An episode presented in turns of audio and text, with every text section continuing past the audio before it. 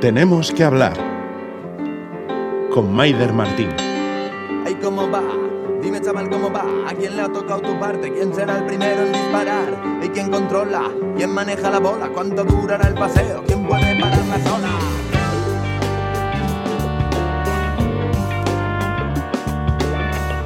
Hola, ¿cómo están? ¿Cómo llevan la semana? Bienvenidas a un nuevo episodio de Tenemos que hablar. ¿Qué? ¿Lo huelen? Huele a planta. La actualidad obliga. Hoy tenemos que hablar de cannabis.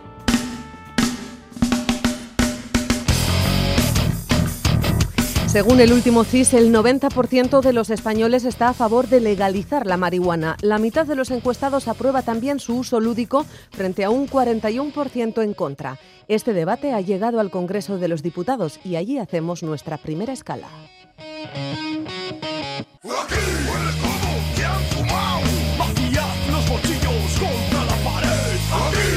Aquí huele como que han fumado. Miquel Arregui, corresponsal en Madrid, ¿has sido tú? No, a mí no me habrán pillado en esas. Pero en el Congreso huele a porro, ¿no? Bueno, no sé si huele a porro, pero por lo menos se habla de porros. Sí, eso es. Eso sí. El, sí. cannabis ha, ha llegado al Congreso por vía doble.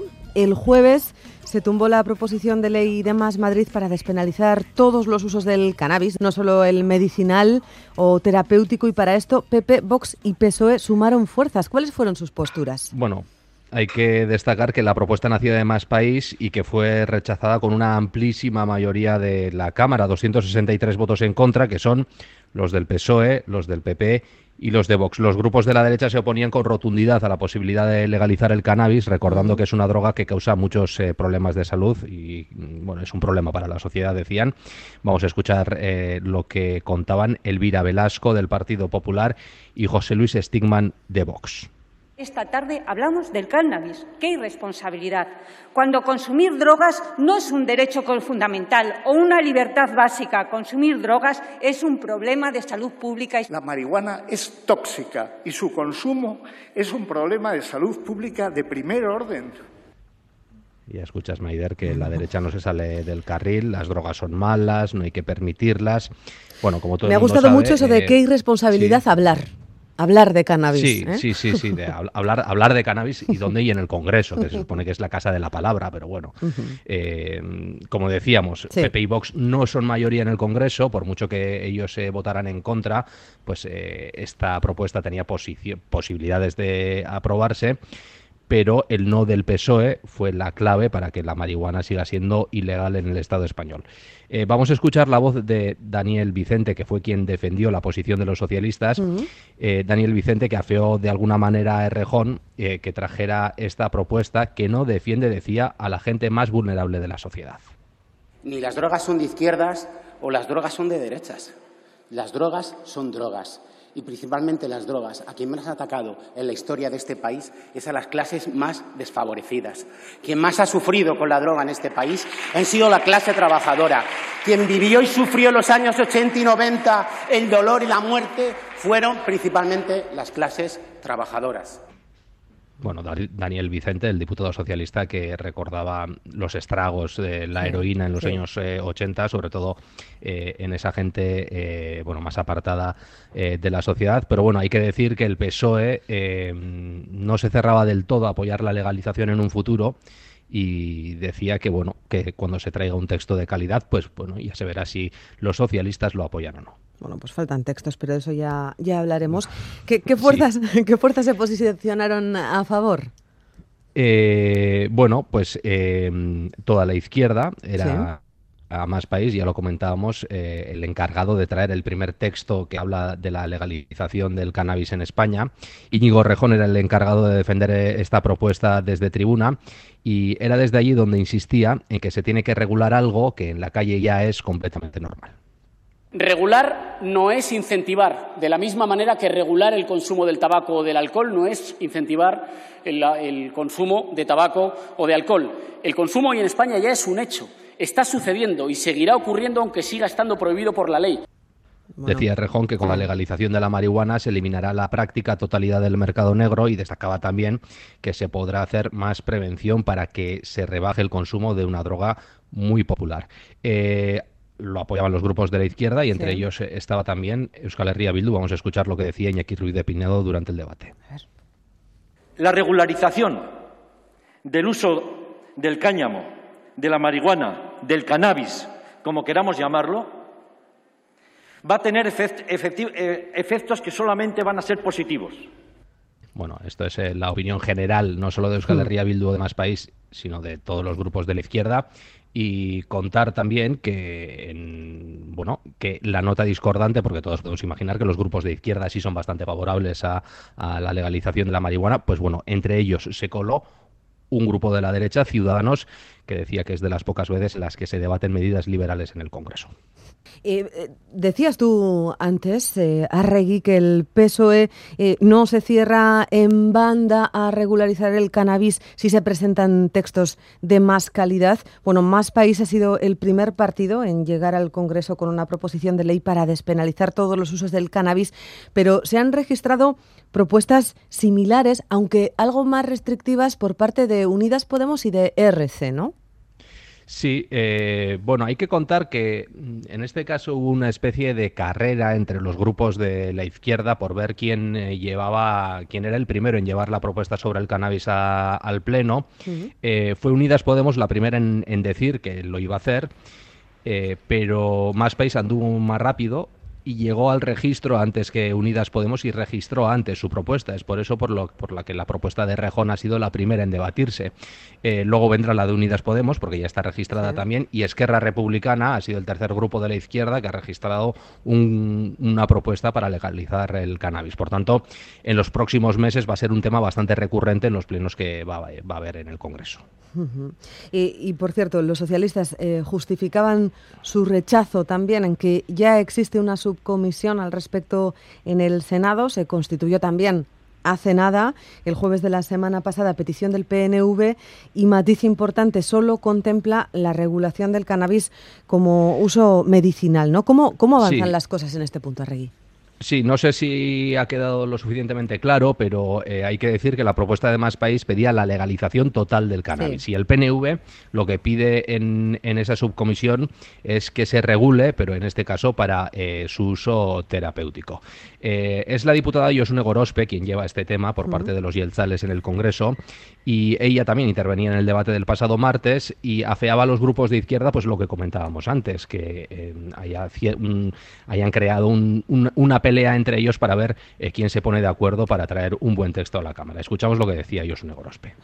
Pero en esto tenemos que avanzar de forma conjunta. Tiene que haber un aval político que sustente esas políticas. Tenemos que persuadir, tenemos que convencer. Y eso se hace trabajando de forma conjunta aquellos que podemos estar en un ámbito de encuentro en la posición, que queremos avanzar en esa regulación trabajar de forma conjunta, es lo que pedía la diputada Yelzale, viendo pues bueno, la competencia que se ha creado entre los distintos grupos. Mm. por cierto, ¿qué recorrido tiene esta subcomisión en el Senado?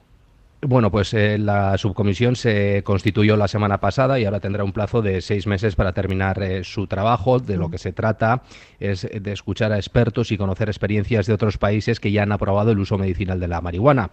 Eh, si todo va bien, la subcomisión debería aprobar un informe que sería la base para que se apruebe una futura ley que ponga a España en una lista de países que ya eh, permiten el uso terapéutico de la marihuana, como son Francia, eh, Estados Unidos, Italia o Israel. Las perspectivas son bastante buenas con esta subcomisión porque en este caso el PSOE sí podría dar su visto bueno a la legalización de la marihuana para uso medicinal. Y entre tanto, quedan por pasar las propuestas de ley de Unidas Podemos y de ERC. Yo no sé qué futuro les auguras tú que te mueves entre, entre pasillos, que todo lo oyes por allá, por Madrid. Bueno, pues eh, como decíamos, el uso terapéutico, el medicinal de la marihuana es bastante posible que se haga realidad y se apruebe durante el año 2022 por lo que mm, el debate ya más general del uso general de la marihuana podría quedar un poco orillado y bueno, todo queda de todas formas en manos del PSOE y será voluntad de los socialistas ver si se aprueba o no finalmente pues el, el, el, uso o la legalización de, del cannabis. Bueno, el PSOE tiene, tiene la llave. Miquel Arreaga. Tiene la llave, tiene la llave, sí.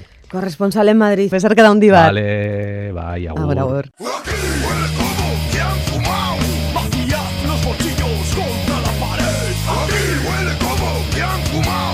Vaciad los bolsillos contra la pared, dice Coma en el estribillo de esta canción. Así acaban muchos de los que portan cannabis, ese estupefaciente que si se legalizase y según un estudio de la Universidad de Barcelona, serviría para que España ingresara más de 3.300 millones de euros al año.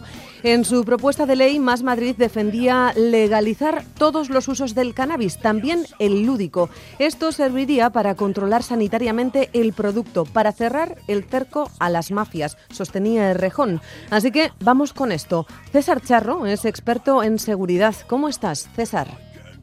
Muy bien, muy bien, aquí estamos. Bueno, la primera pregunta es obligada. ¿Cuál es la droga eh, que en este momento más dinero mueve en Euskadi?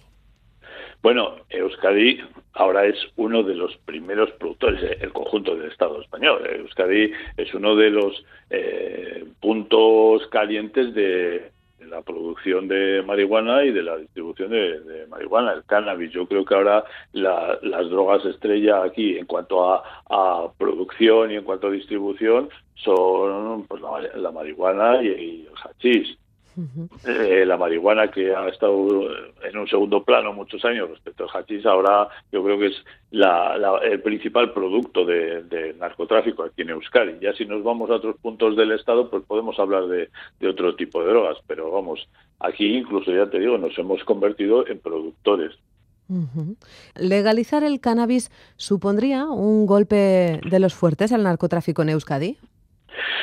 Bueno, mi opinión es que no, mira, hay que partir yo creo que de un hecho que es algo constatable y es que eh, las redes del narcotráfico son auténticas empresas. Cuando una empresa resulta que ya no vende un producto, dirige sus esfuerzos y toda su potencia productiva a otros.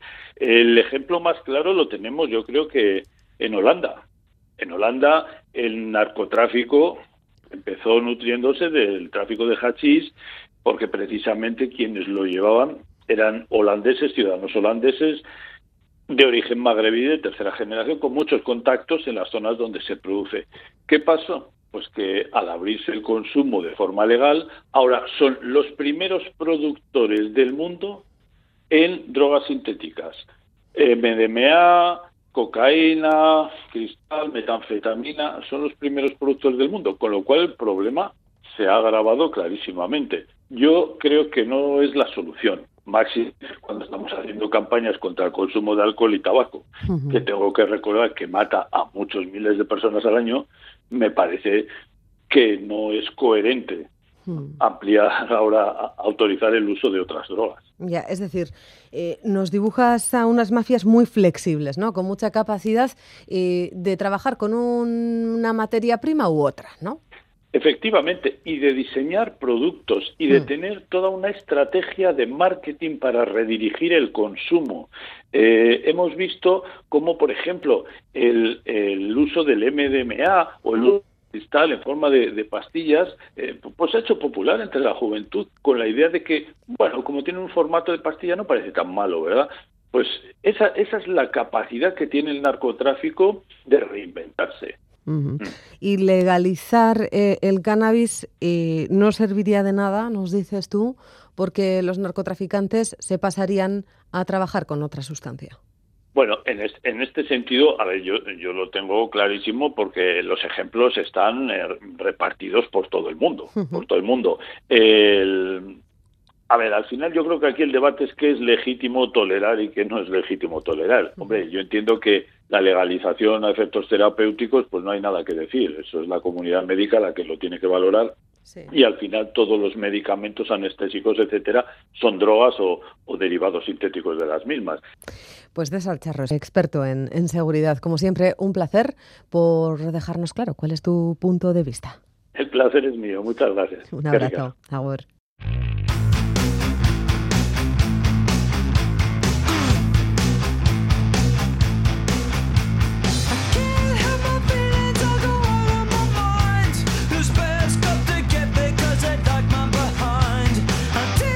Justo en esto último que citaba Charro, en el uso medicinal del cannabis, es donde más nos queremos parar nosotras. El cannabis medicinal genera 250 millones de euros en Europa y apenas nada en España porque no está regulado. El líder absoluto de este mercado en Europa es Alemania, que legalizó el uso medicinal del cannabis en 2017. Allí se gestionan 267.000 recetas al año y, está claro, forman parte del Programa Nacional Público Sanitario. En España el vacío legal es evidente y la realidad clara. El cannabis se consume de manera lúdica, sí, pero también de manera medicinal para hacer frente a los efectos, por ejemplo, de enfermedades raras, del cáncer o la esclerosis múltiple. Lo consumen enfermos con fuertes dolores en muchos casos. De hecho, la Unión de Pacientes por la Regulación del Cannabis pedía durante el confinamiento que se tuvieran en cuenta estas necesidades porque ha habido personas desesperadas esperadas que no podían acudir a los clubes de cannabis para poder acceder a la planta y hacer frente con ella a sus dolores. Entre tanto, en el Estado están los mejores investigadores del mundo en el uso medicinal de la marihuana. Uno de ellos es Javier Fernández Ruiz. Es biólogo del Departamento de Bioquímica y Biología Molecular de la Universidad Complutense de Madrid y fundador de la Sociedad Española de Investigación sobre Cannabinoides. ¿Cómo estás, Javier? Pues muy bien, Nora. Encantado de estar con vosotros. Bueno, vamos a empezar por el principio. Te voy a plantear la primera pregunta que me vino a la cabeza cuando pensé que sí o sí teníamos que hablar eh, de cannabis, ¿no? ¿Por qué hay que utilizar los cannabinoides en medicina si son tan controvertidos? Eso es lo que me planteé yo y la respuesta que se me ocurrió fue que porque estamos faltos de nuevos tratamientos. Pues sí, esencialmente es, por eso. vamos, el conocimiento sobre las propiedades terapéuticas de compuestos que están en la planta del cannabis es una cosa que ya viene de hace muchos años, incluso de civilizaciones anteriores a la nuestra. Pero claro, ahora que disponemos de herramientas para poder investigar todo eso con mucho más detalle, pues se va acumulando información realmente de lo que pueden hacer. Mm, y, bueno, se confirma efectivamente que para ciertos tipos de patologías pues son realmente buenos, buenos fármacos. Y especialmente, mm, digamos que eso tiene sobre todo repercusión en aquellas patologías donde no tenemos medicamentos desarrollados, enfermedades raras o enfermedades que son mm, tratadas con dificultades por los medicamentos clásicos esa es una puerta que se abre y bueno, pues la posibilidad de utilizar cannabinoides pues realmente es algo muy relevante a ese nivel. Eh, estoy pensando en las enfermedades neurodegenerativas, por ejemplo, el Alzheimer, el Parkinson, el Huntington, donde apenas tenemos eh, buenos medicamentos, prácticamente solo tratan los síntomas y poco más, o enfermedades relacionadas con trastornos alimentarios o relacionados, relacionadas con el dolor, dolor neuropático, los dolores que son difíciles de tratar con los analgésicos clásicos que tenemos en la farmacopea. ¿no? Se abre un campo de posibilidades que yo creo que se está investigando a nivel científico y que de una u otra manera tendría tarde o temprano que llegar a los pacientes. Estamos hablando de cannabinoides. ¿Qué son? Porque a la gente le va a sonar eso de THC, del mm. CBD. Es, es, lioso, pero creo que vale la pena explicarlo para, para poder continuar adelante ¿no? y profundizar un poco. Sí, el concepto cannabinoide es un concepto realmente químico. es un tipo de moléculas con una estructura química muy singular que se encontraron por primera vez en la naturaleza en la planta del cannabis, en la cannabis sativa. Son los compuestos que tú has mencionado, el tan 9 tetrahidrocannabinol, que lo abreviamos THC, o el cannabidiol, que lo abreviamos CBD.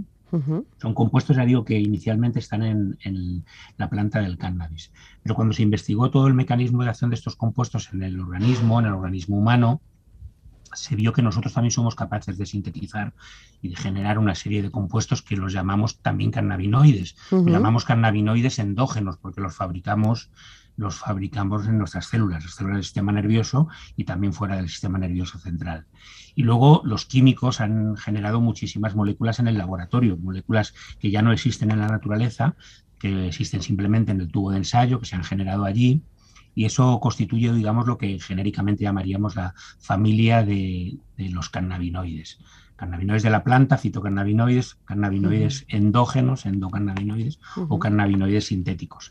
Y ya no hay una equivalencia desde el punto de vista químico, porque las moléculas que se han sintetizado en los laboratorios pueden ser muy diferentes químicamente, pero todas convergen en lo mismo, en que actúan a través de un sistema que es de nuestro cuerpo, que es el que llamamos sistema cannabinoide endógeno, es el que de alguna manera permite esas acciones, tanto las farmacológicas, tanto las que tienen que ver con patologías, tanto las que pueden tener que ver con efectos secundarios que pueden estar asociados con, el tratamiento con cannabinoides, que serían las que coincidirían con la otra parte del tema de los cannabinoides o del cannabis, que es la parte de la posibilidad de desarrollar pues, eh, conductas adictivas y demás, que es probablemente el estigma o, la, o el freno de alguna manera que limita el desarrollo de las propiedades terapéuticas de los cannabinoides. Eso es lo que hoy hablamos por cannabinoides o entendemos por cannabinoides. Claro, porque asociado a estos grupos de siglas, ¿no? THC y CBD, el THC tiene efectos psicoactivos, el CBD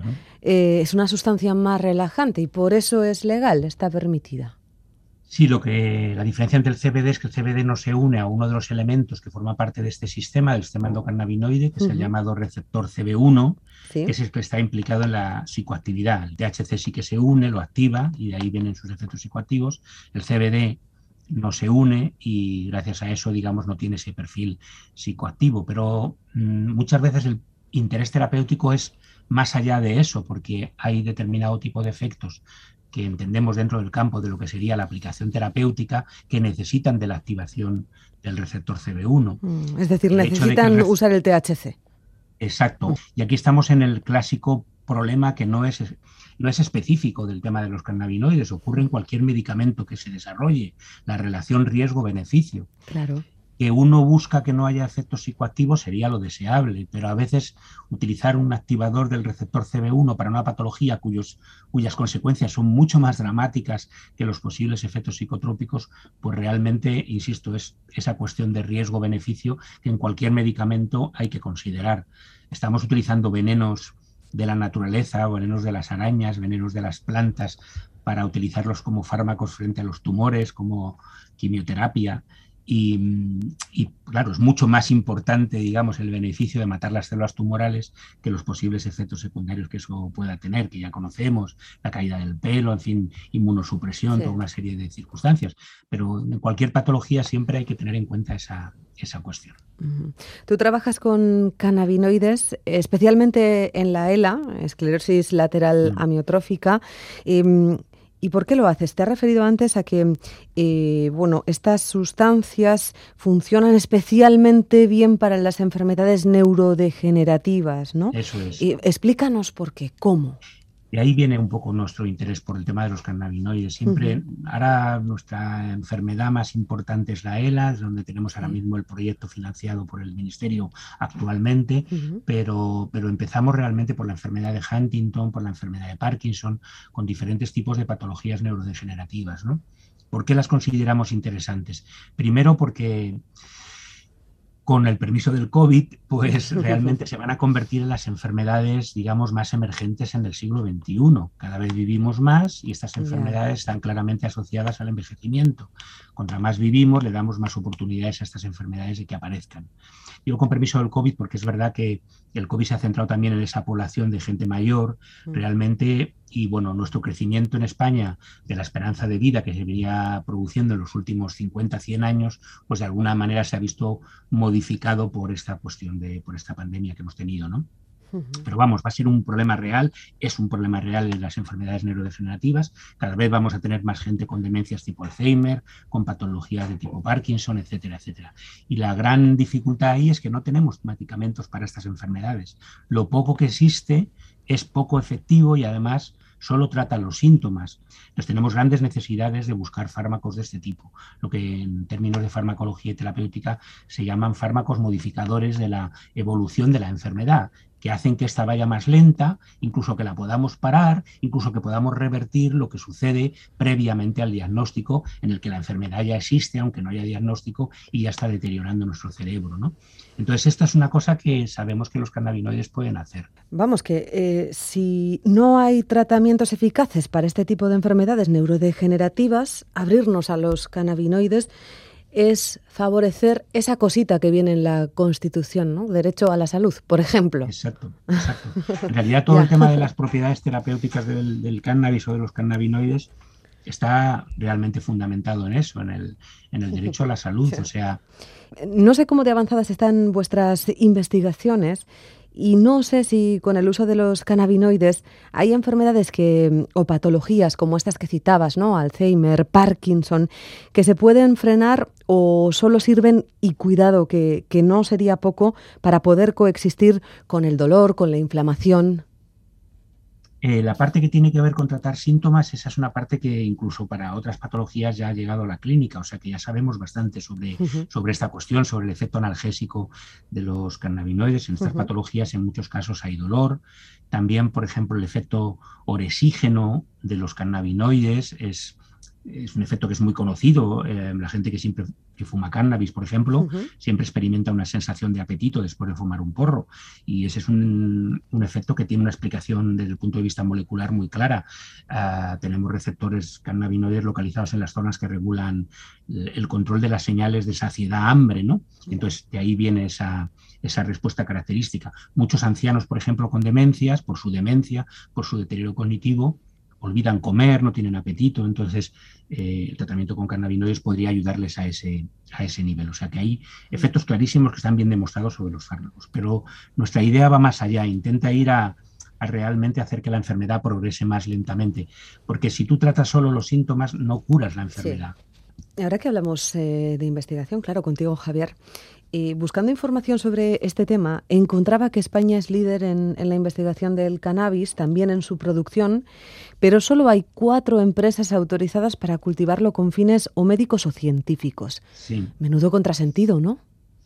Sí, es una paradoja, nos lo preguntan muchas veces todos nuestros colegas que trabajan en el mismo campo, eh, europeos o americanos, nos lo suelen preguntar, cómo España tiene un, pues eh, confirmamos la realidad de que es verdad que, se hace mucha investigación y creo que buena investigación en España en, en, cannabinoides, pero que vamos un poco retrasados en toda la cuestión de la regulación. Vamos, deberíamos claramente avanzar en la cuestión de la regulación, al menos en la regulación terapéutica, porque ahí hay beneficios por explorar para los pacientes. Muchos pacientes se pueden ver beneficiados por estas ventajas que los cannabinoides pueden tener. De hecho, lo hacen es decir, la, automedicación como tal existe, existe probablemente en condiciones que no son las mejores, que deberían estar controladas por, Mm, prescripción médica, por control médico, y todo eso de alguna manera es una cosa que tiene tarde o temprano que regularse y beneficiaría claramente a pacientes. Nadie está hablando de utilizar indiscriminadamente los cannabinoides, utilizarlos asociados con la investigación de la que se dispone en este momento que nos indica realmente propiedades terapéuticas interesantes en algunos tipos de patologías donde no tenemos otra serie de fármacos. Vamos lentos, vamos muy lentos. Este tema por fin, aunque haya sido tumbado, ha llegado al Congreso de los eh, Diputados, el uso del cannabis con fines terapéuticos. ¿Por qué está ocurriendo esto? ¿Cuál es la sensación entre, entre los científicos, entre los investigadores? ¿Es por una cuestión de moralina? Yo creo que es, el problema es el estigma que tienen los cannabinoides. Yo creo que mm, hay mucha gente que piensa que mm, con esto vamos a transmitir el mensaje, sobre todo a nuestra población más adolescente, ¿no? de, al medicalizar la marihuana, como se suele muchas veces despectivamente decir, pues se les va a dar de alguna manera una oportunidad o un mensaje positivo acerca de, del uso de, marihuana para otra serie de, fines, principalmente recreacionales o lúdicos. ¿no? Em, en fin, yo creo que no, responde realmente a la, realidad. Em, está legalizado el tabaco y la nicotina. Y bueno, la nicotina tiene algunos usos terapéuticos, pero bastante menores que los que podrían tener los cannabinoides. También está legalizado el alcohol, el alcohol está controlado. Es decir, es verdad que, lo que tiene que ver con la regulación para uso recreacional de alguna manera debería tener objetivos diferentes.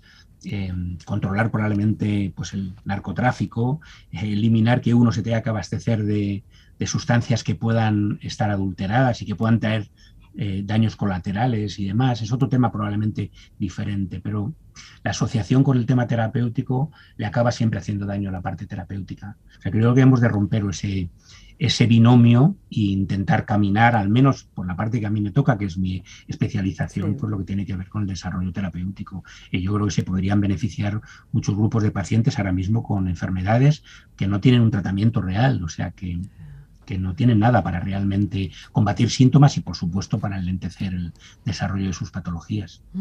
Pacientes que en el mejor de los casos pueden recurrir a clubes canábicos aquí y en Cataluña porque mm, están regulados eh, o que se tienen que autoabastecer sin saber del todo cuáles son las propiedades de sus plantas, etcétera. Aquí también hay riesgos. Sin, control, sin control toxicológico de esas preparaciones, sin control médico, sin saber realmente sobre las dosis realmente que en su caso pueden ser útiles. Yo creo que hacer una regulación va a beneficiar claramente a que se haga un uso mucho más correcto de esta serie de sustancias, mm. mientras en paralelo la investigación sigue progresando y realmente em, clarificando todas las lagunas que todavía podemos tener en muchos tipos de patologías o en muchos tipos de preparaciones.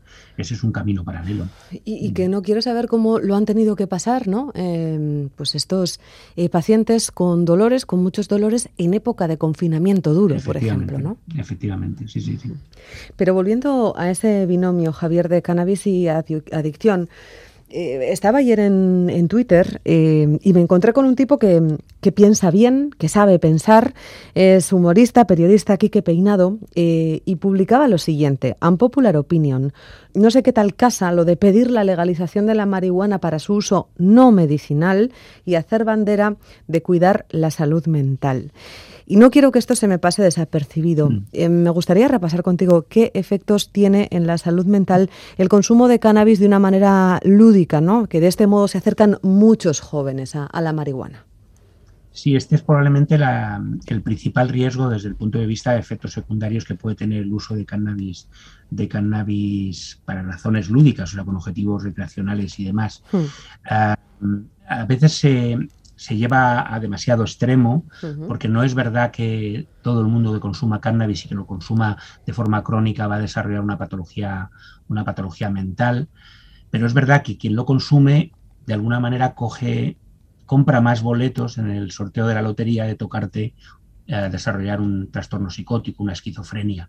El cannabis está entre las causas de riesgo en, el desarrollo de psicosis, eh, en un porcentaje específico, o sea, el que sea, el correspondiente a esa. Pero como están muchas otras cosas a ese nivel. Entonces, si uno consume, consume de forma compulsiva, pues digamos que tiene más posibilidad de desarrollarlo. Pero no, como se ha dicho muchas veces, no es un certificado eh, eh, ineludible de que se va a desarrollar una patología, una patología mental. De hecho, ciertos tipos de cannabinoides se están investigando como posibles fármacos para las patologías mentales. El caso del CBD, singularmente, del cannabidiol, para el tratamiento de los trastornos de la ansiedad y de la, y de la depresión. Incluso hay alguna propuesta de psiquiatras alemanes de utilizarlo precisamente como un nuevo antipsicótico. Pero yo preferiría irme al otro escenario, que es el de patologías que no tienen nada, que es donde realmente hay una gran oportunidad para los cannabinoides eh, para poder ser desarrollados como nuevos fármacos. Esa es la parte realmente que me parece más razonable, sobre todo cuando no hay otra cosa, digamos, esa relación riesgo-beneficio, pues de alguna manera se, balancea hacia que realmente valga la pena utilizar el fármaco, a pesar de los posibles riesgos que puedan tener, entre ellos la posibilidad de desarrollar una psicosis, que viene a ocurrir aproximadamente entre un 7 a un 10% de los sujetos, más o menos. Esas son lo que nos dicen las estadísticas. El derecho a la salud, lo que decíamos al principio. Por cierto, por terminar, Javier, no sé si conoces, creo que sí, a Ekaitz Aguirre Goitia. Sí, Sí, sí, sí que le conozco. Fui miembro del tribunal de su tesis hace muchos años. Sí, sí, sí. Muy buen investigador. Se formó en el terreno de los cannabinoides y muy buen investigador, de los, muy buenos que tenéis ahí en el, en el país, de la buena gente joven que se forma en este campo y que desarrolla una carrera muy, muy activa. Mm. ¿Y cómo es la vida? Eh? Que Ekaitz eh, no era consumidor de cannabis, era investigador y la salud y la vida le llegó a tener que utilizarlo con fines terapéuticos, ¿no? Efectivamente, efectivamente. Pues te hablaba de él porque ahora que termino contigo voy a bajar al bar, a un bar que tenemos aquí cerquita y me voy a encontrar con él para seguir hablando de, pues le das cannabis. Recuerdos, le das recuerdos y espero que siga que siga bien con sus tratamientos y demás. Estupendo. Javier Fernández. Muy bien. Ha sido un placer eh, que nos hayas visitado aquí en Tenemos que hablar hoy de, de cannabis. Muchas gracias a vosotros por invitarme. un, un abrazo. haber estado con vosotros. Hasta luego. Chao. Realmente la radio y el bar en el que he quedado con Ekaitz no están tan cerca. ¿eh? Hemos quedado en el Muro Berría, en Bilbao, porque le viene bien a nuestro interlocutor, porque hay que facilitar la vida a la gente que decide hablar de sí mismo, desnudarse un poco. Ekaitz nos va a contar su historia, la de un tipo que llevaba toda su vida profesional investigando la aplicación de la marihuana en la medicina y de repente un día la tiene que usar él para paliar los fuertes dolores que le dejan tres enfermedades que pasan por su cuerpo y que acaban con su colon y su ano. Imagínense.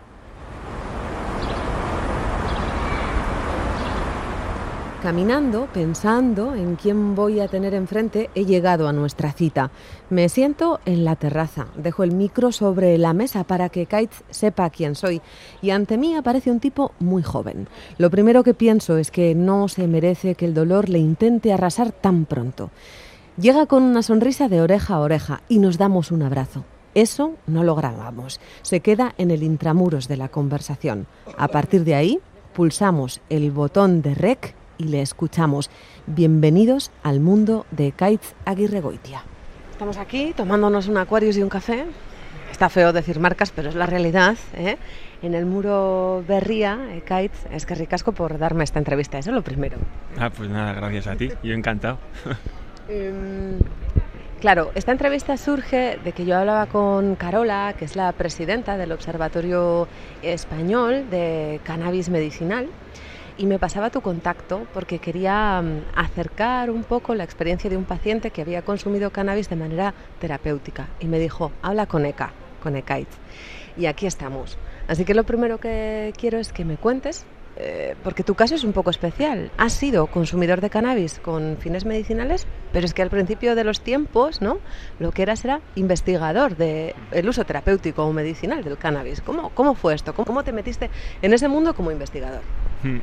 Bueno, pues realmente, como todo en la vida, por casualidades y aunque la gente crea que las cosas se buscan, al principio de tu carrera no buscas nada, te van cayendo cosas y entonces yo empecé, hice mi carrera de biología y la terminé en, Madrid. Allí conocí a un laboratorio, pues liderado por Manolo Guzmán, que trabajaban con cannabinoides. Y cuando empecé a hacer mi tesis aquí en, la UPV, en la Facultad de Medicina, trabajaba en reproducción y en el laboratorio en el que estaba, pues trabajaban sobre todo con opiáceos y cómo podían influir en la movilidad de los espermatozoides, etcétera. Y en una estancia que hice en Madrid, pues bueno, me propusieron, oye, ya que estás haciendo con opiáceos, que un sistema muy parecido, que es el sistema cannabinoide, que a ti te gustaba y querías entrar aquí y tal, pues podíamos hacer algo en común. Y total, que, empecé a trabajar en ello y hasta el momento pues ha sido el sistema, eh, la planta y, casi casi la filosofía eh, de vida que hoy en día es de, lo que más de lo que más trabajo sobre el cannabis, sobre su función. Y resulta que un día tú te conviertes en usuario. Tú no fumabas ni consumías cannabis de manera lúdica, ¿no? No, no, además soy un, fatal consumidor de estupefacientes. al final cuando tienes dolor no te queda otro remedio y, yo cuando he estado muy mal y con mucho dolor en el hospital, cuando, cuando venía la morfina, por, muy, por mucho que luego al final te sentaba mal, eh, te quitaba el dolor y estaba muy bien. Con el THC me pasa lo mismo. O sea, no soy consumidor de estupefacientes seguramente porque, porque pienso demasiado lo que va a pasar y al final no acabo ni disfrutándolos. Pero bueno, de tanto leer eh, y hacer revisiones sobre qué papel tenía la función del sistema cannabinoide y los cannabinoides en diferentes procesos, pues me di cuenta que muchos de los procesos que tenía mi enfermedad, que era una colitis ulcerosa, pues era la inflamación. Era era una enfermedad autoinmune siempre leía el papel antiinflamatorio que podía tener los cannabinoides, el papel también hasta cierto punto inmunosupresor que podían tener los cannabinoides y decidí en probar, pues en una época en la que no estaba del todo bien y tenía bastantes brotes de mi enfermedad. Y como siempre empecé con amigos, la lié porque me dio un, colocón que diría la gente y acabé en el hospital. Mis amigos no querían ir porque decían, ahora a quién le decimos que, que ha cogido la marihuana, tal. A mí me da igual, yo prefería que quedara todo presente, y, pero bueno, como, como ves, era todo mental. O sea, al final no aceptas las cosas que te están pasando a nivel psicoactivo y, y bueno, me di cuenta que eso era un que eso era el THC y que bueno, a mí no me había gustado nunca solo por concepto y, y tampoco me gustaba en ese momento. Ahora ya he, descubierto por qué podía pasar eso, he descubierto eh, tener un viaje no muy bueno y estar tranquilo, pues porque muchas veces lo que te quita eh, es menos de lo que te está dando. Entonces, bueno, pues al final poco a poco yo me di cuenta que después de tener ese viaje que te cuento, tuve la mejor semana de mi vida. Es decir, esa... Eh, ¿Qué es tener la mejor semana de tu vida con colitis ulcerosa? Pues eh, de ir al baño entre 8 y 15 veces a ir dos, a no levantarte por la noche, a, no preocuparte por, las sensaciones que tienes todo el rato, a no estar eh, en tensión porque estás dando clase y no sabes si vas a llegar al baño. La mejor semana. Y entonces, como había sido la mejor semana, dije, bueno, vale, a ver cómo hacemos para no tener que ir al hospital todas las semanas diciendo que me da un brote psicótico ahí de repente. Bueno, le llamo yo brote psicótico, que otra gente le llamará estar súper a gusto, porque quiero decir que en eso yo no soy nada eh, objetivo. Bueno, con, las, con los psicoactivos nadie es objetivo, al final es cada uno tiene su historia. Depende de lo que se agobie cada uno también. A mí me decían mis amigos, pero es que este, este, este componente precisamente es depresor, tú lo sabes mejor que nadie cómo, cómo funciona y tienes que dejarte llevar. Pero si no te dejas llevar. y tú, el biólogo controlador, no se dejaba llevar. vamos, vamos, en la vida. Pero ya digo que, como todo, con el tiempo, pues he sabido hacerle frente a esos, a esos efectos secundarios. Lo que pasa es que no soy consumidor lúdico o adulto, como quieran llamarlo. Eh, no consumo por placer. Nos habíamos quedado en el punto en el que mm, Ekaitz piensa, bueno, a ver cómo hago yo para seguir teniendo las mejores semanas de mi vida desde que tengo esta enfermedad, ¿no? Y, no acabar con un colocón terrible también en el hospital. ¿Cómo hiciste? Pues bueno, fui aprendiendo a dosificarme de otra manera y empecé a utilizar aceites. Como buen biólogo o investigador que has dicho antes, pues lo que hice fue coger un Excel, poner ítems y ir rellenando todos y cada uno de los días todo lo que hacía. Cuánto consumía, es decir, en miligramos, cuánto THC, cuánto CBD, eh, cuántas veces iba al baño, cómo pesaba, tal. Y lo que me di cuenta es que poco a poco, porque esto es una, una cosa, sobre todo en enfermedades que son crónicas y que son inflamaciones grandes, pues poco a poco fui viendo que iba menos al baño, sobre todo iba menos a la noche, que eso molestaba mucho, y lo más impactante fue que en un año pues cogí 10 kilos cuando no había cogido un kilo en los, anteriores 10 años. Entonces, bueno, pues algo hizo, a nivel objetivo algo hizo, a nivel subjetivo hizo más porque yo me sentía muy bien, pero bueno, como todo, las enfermedades eh, no se curan con, con el cannabis, o vamos a pensar que directamente se van a curar, y puede haber alguna que igual sí. Lo que hace es paliar síntomas nos hablaba antes eh, Javier Fernández, otro investigador con el que hemos hablado justo antes de encontrarnos contigo, que por cierto nos ha dado recuerdos para ti, ¿eh?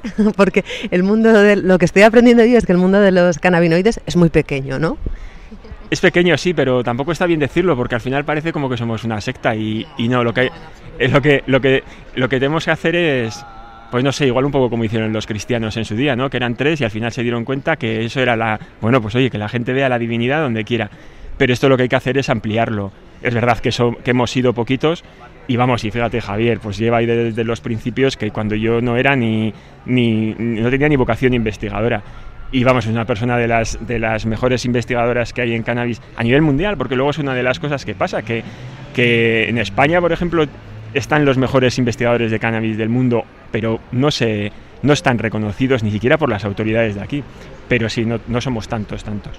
Tú ah, en este momento no eres eh, consumidor de cannabis por motivos terapéuticos, si lo has sido y si en el momento en el que lo has tenido que utilizar te pillan con un cogollo, unos cuantos, eh, también te enfrentas a multas. No sé si recuerdas a cuáles, a cuánto.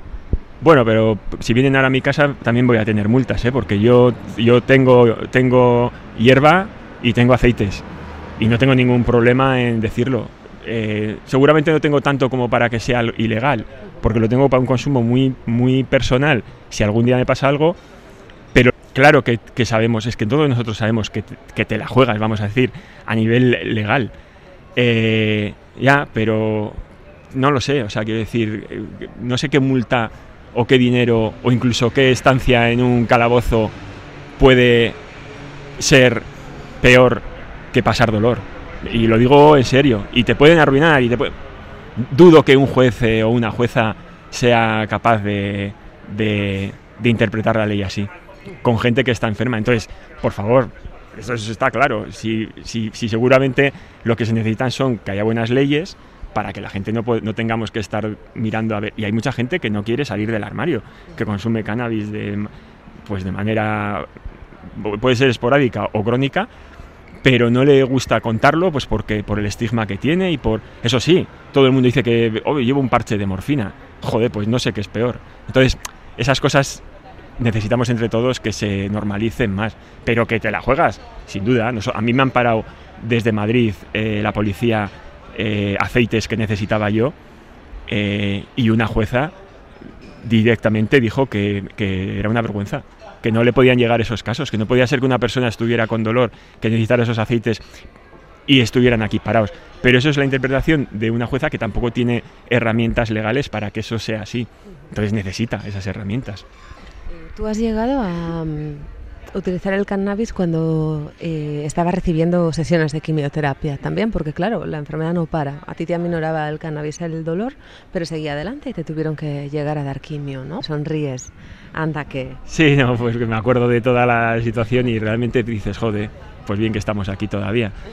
Sí, la enfermedad continuó porque, bueno, tenía, era una enfermedad autoinmune que tenía, vamos a decir que era multifactorial y, bueno, pues derivó en un tumor en el colon, me tuvieron que quitar el, el, colon, eh, luego una recidiva, me tuvieron que quitar también el ano, bueno, al final eh, hubo una metástasis en un ganglio, y entonces eso sí o sí había que dar quimioterapia. En esa quimioterapia, pues no, con las pastillas que te suelen dar para evitar vómitos, más o menos se llevaba bastante bien los primeros días, pero luego había secuelas que te seguían, te, seguías teniendo la boca bastante mal, bastantes náuseas.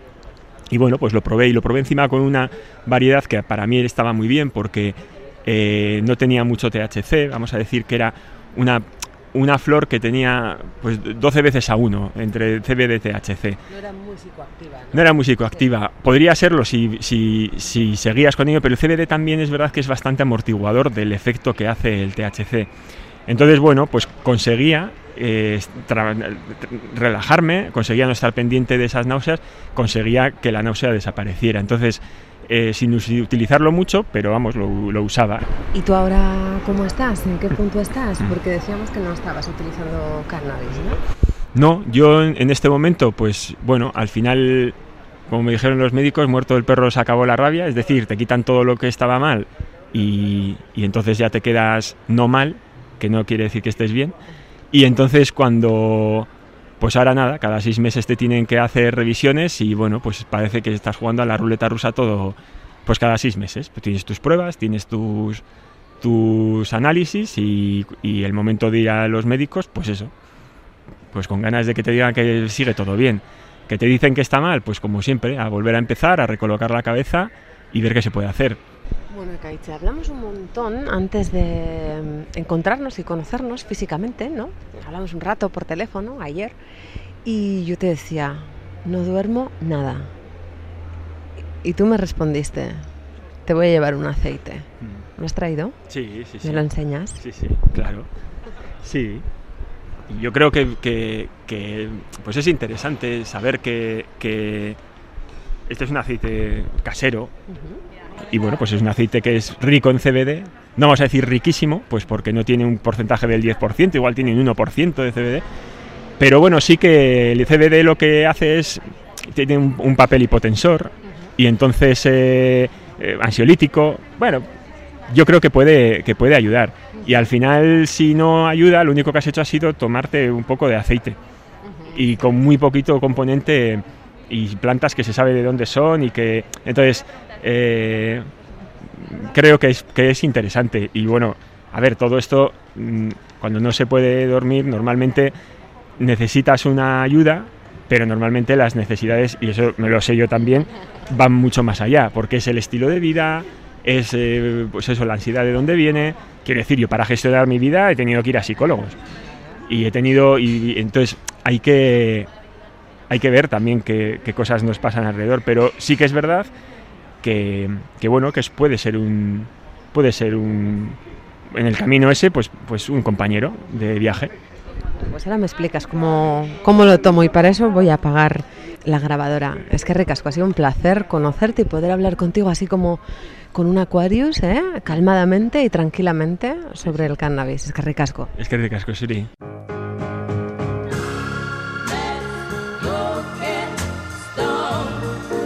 Familiares y amigas, esto se acaba. No las ganas de profundizar en el mundo del cannabis, que obvio, como han visto, va mucho más allá de rastas, reggae y rap, que al menos en este momento es negocio y mafia, es investigación contra el dolor y también es una necesidad para quienes sufren ese dolor causado por enfermedades muy agresivas en algunos casos.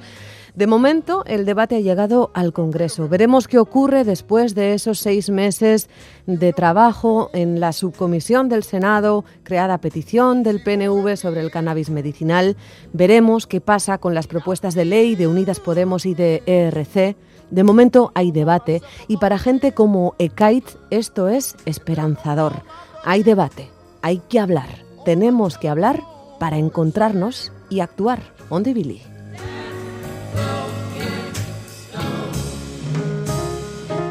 Now listen, you know I work so hard all day long. Everything I try to do seem to always turn out wrong. That's why I want to stop by on my way home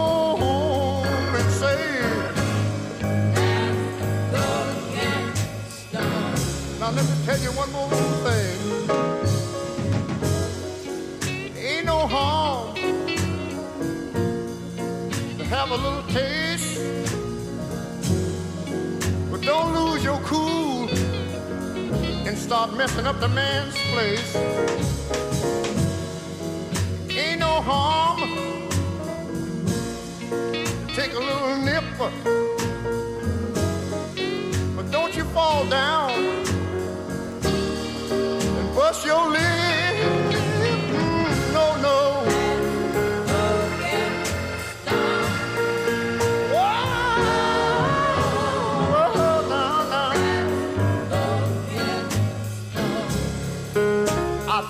Everybody ought to come on and go with me.